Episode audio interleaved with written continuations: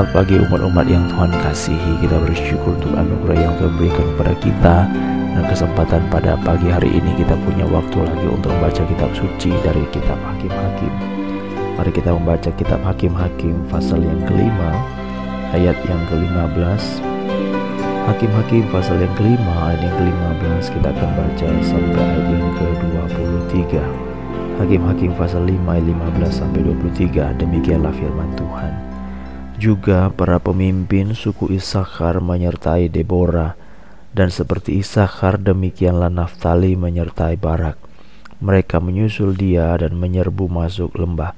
Tetapi pihak pasukan-pasukan suku Ruben ada banyak pertimbangan.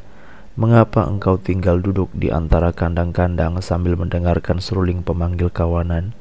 Di pihak pasukan-pasukan suku Ruben ada banyak pertimbangan. Orang dilihat tinggal diam di seberang sungai Yordan dan suku Dan, mengapa mereka tinggal dekat kapal-kapal? Suku Asher duduk di tepi pantai laut, tinggal diam di teluk-teluknya. Tetapi suku Zebulon ialah bangsa yang berani mempertaruhkan nyawanya. Demikian juga suku Naftali di tempat-tempat tinggi di padang.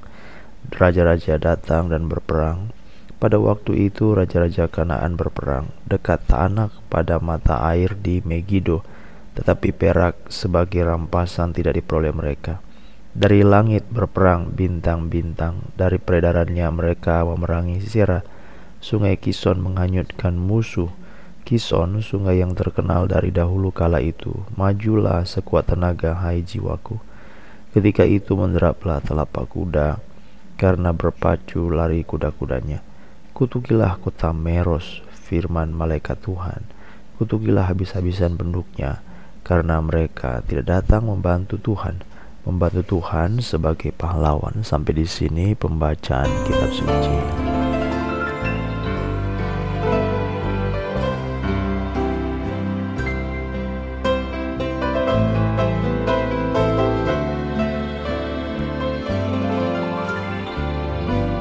Umat-umat yang Tuhan kasihi pada waktu kita membaca bagian dari pasal yang kelima Ayat yang maksud kita baca itu adalah petikan dari nyanyian Deborah Setelah kemenangan Tuhan berikan atas mengalahkan Yabin Raja Kanaan. Tuhan menyerahkan Yabin Raja Kanaan.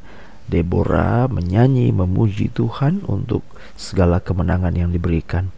Dan pada waktu kita membaca kitab atau pasal 5 dari kitab Hakim-Hakim ini Tuhan menunjukkan cermin kepada kita tentang keadaan kita. Dalam kitab Hakim-Hakim ada unsur pemberontakan kepada Allah, ada sifat natur manusia berdosa, balik pulih tapi dia juga akan kembali lagi berdosa lagi.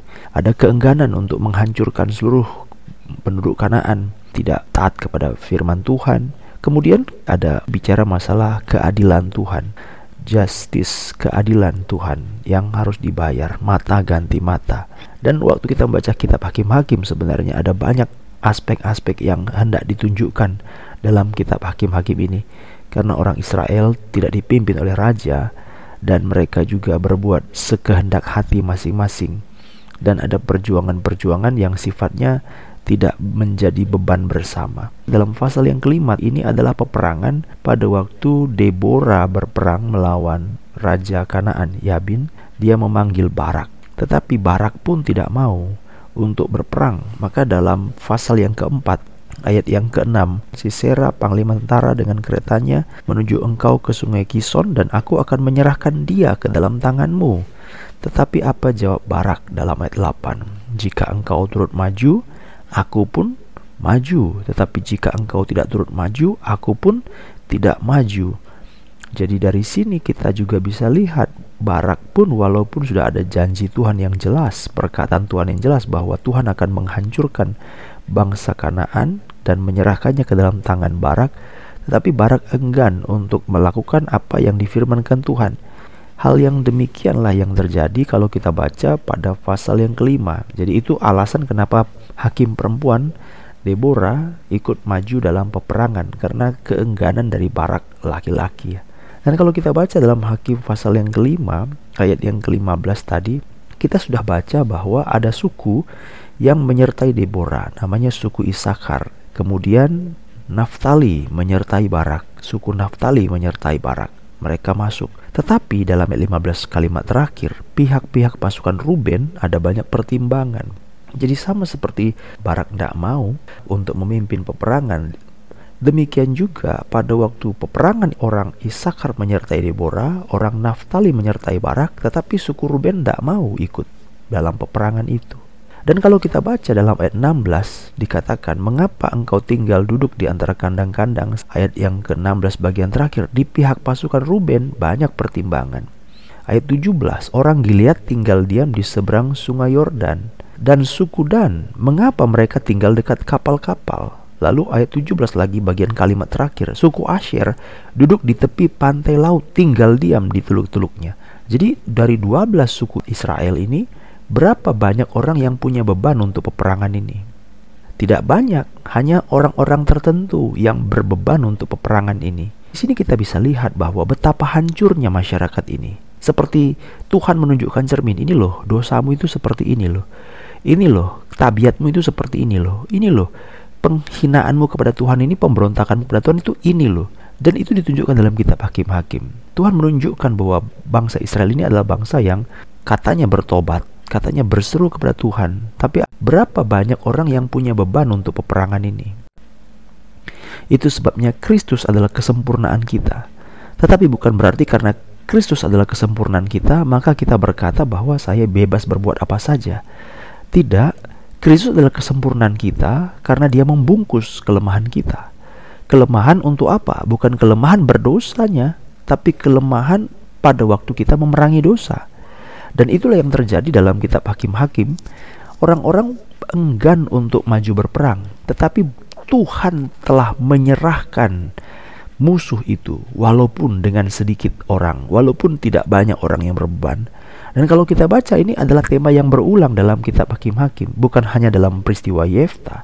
Kalau kita baca dalam pasal 8 ayat 28, Gideon pun juga berhadapan dengan orang Midian yang hendak ditaklukkan, tetapi kita menemukan orang Midian boleh ditaklukkan, namun ada yang enggan untuk terlibat seperti mengalahkan Zeba dan Zalmuna pasal 8 ayat 8 kota Penuel enggan untuk membantu Gideon untuk menaklukkan dua orang ini, untuk mengejar atau menyerahkan dua orang ini.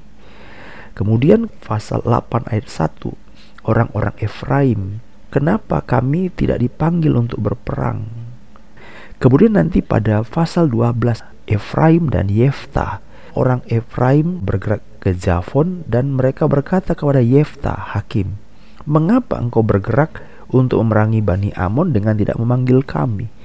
Jadi ada keengganan-keengganan untuk berperang. Dalihnya adalah hakimnya yang salah. Dalihnya adalah kami tidak diikut sertakan. Padahal sebenarnya ini adalah menjadi beban yang harusnya menjadi panggilan yang tidak perlu lagi dikerahkan sebagai satu hal yang resmi atau tidak diminta tetapi harus dikerjakan dengan suka rela. Inilah pekerjaan peperangan yang harus dikerjakan. Berapa orang yang terbeban bukan berarti harus dimintakan atau beban itu harus dikipas-kipas. Tapi beban itu harus dikerjakan dengan kerelaan. Itu sebabnya kitab Hakim-Hakim menunjukkan kepada kita betapa hancurnya masyarakat Israel, betapa berdosanya mereka, betapa mereka sungguh-sungguh mengandalkan kekuatan mereka sendiri dan hikmat sendiri-sendiri. Itulah sebabnya dalam Yesaya pasal 53 kita ini seperti domba yang masing-masing mengambil jalannya sendiri-sendiri. Kita semua tersesat. Demikianlah bangsa Israel, masing-masing suku, masing-masing suku, masing-masing sendiri. Mereka tidak memiliki beban untuk peperangan Allah, tapi mereka sibuk dengan agenda-agendanya sendiri. Tidak melihat rencana Allah yang kekal, Inilah yang terjadi dalam gereja hari-hari ini. Menjadi gereja menjadi anak Tuhan yang hanya memikirkan bagaimana saya bisa makan, bagaimana saya bisa survive, bagaimana saya bisa aktualisasi diri, bagaimana saya bisa diakui, bagaimana saya bisa populer, bagaimana masalah saya bisa selesai. Tidak ada suatu kehidupan untuk memikirkan bahwa sebagai anak Tuhan saya harus menjalankan rencana Allah, menyangkal diri, memikul salib. Itulah yang terjadi. Jadi pada waktu tiupan genderang perang, harusnya mereka bangkit tapi apa yang terjadi? Tidak ada kerelaan. Mereka harus dibujuk, mereka harus dirayu, mereka harus dipanggil. Di situ terjadi suatu penolakan dan keengganan.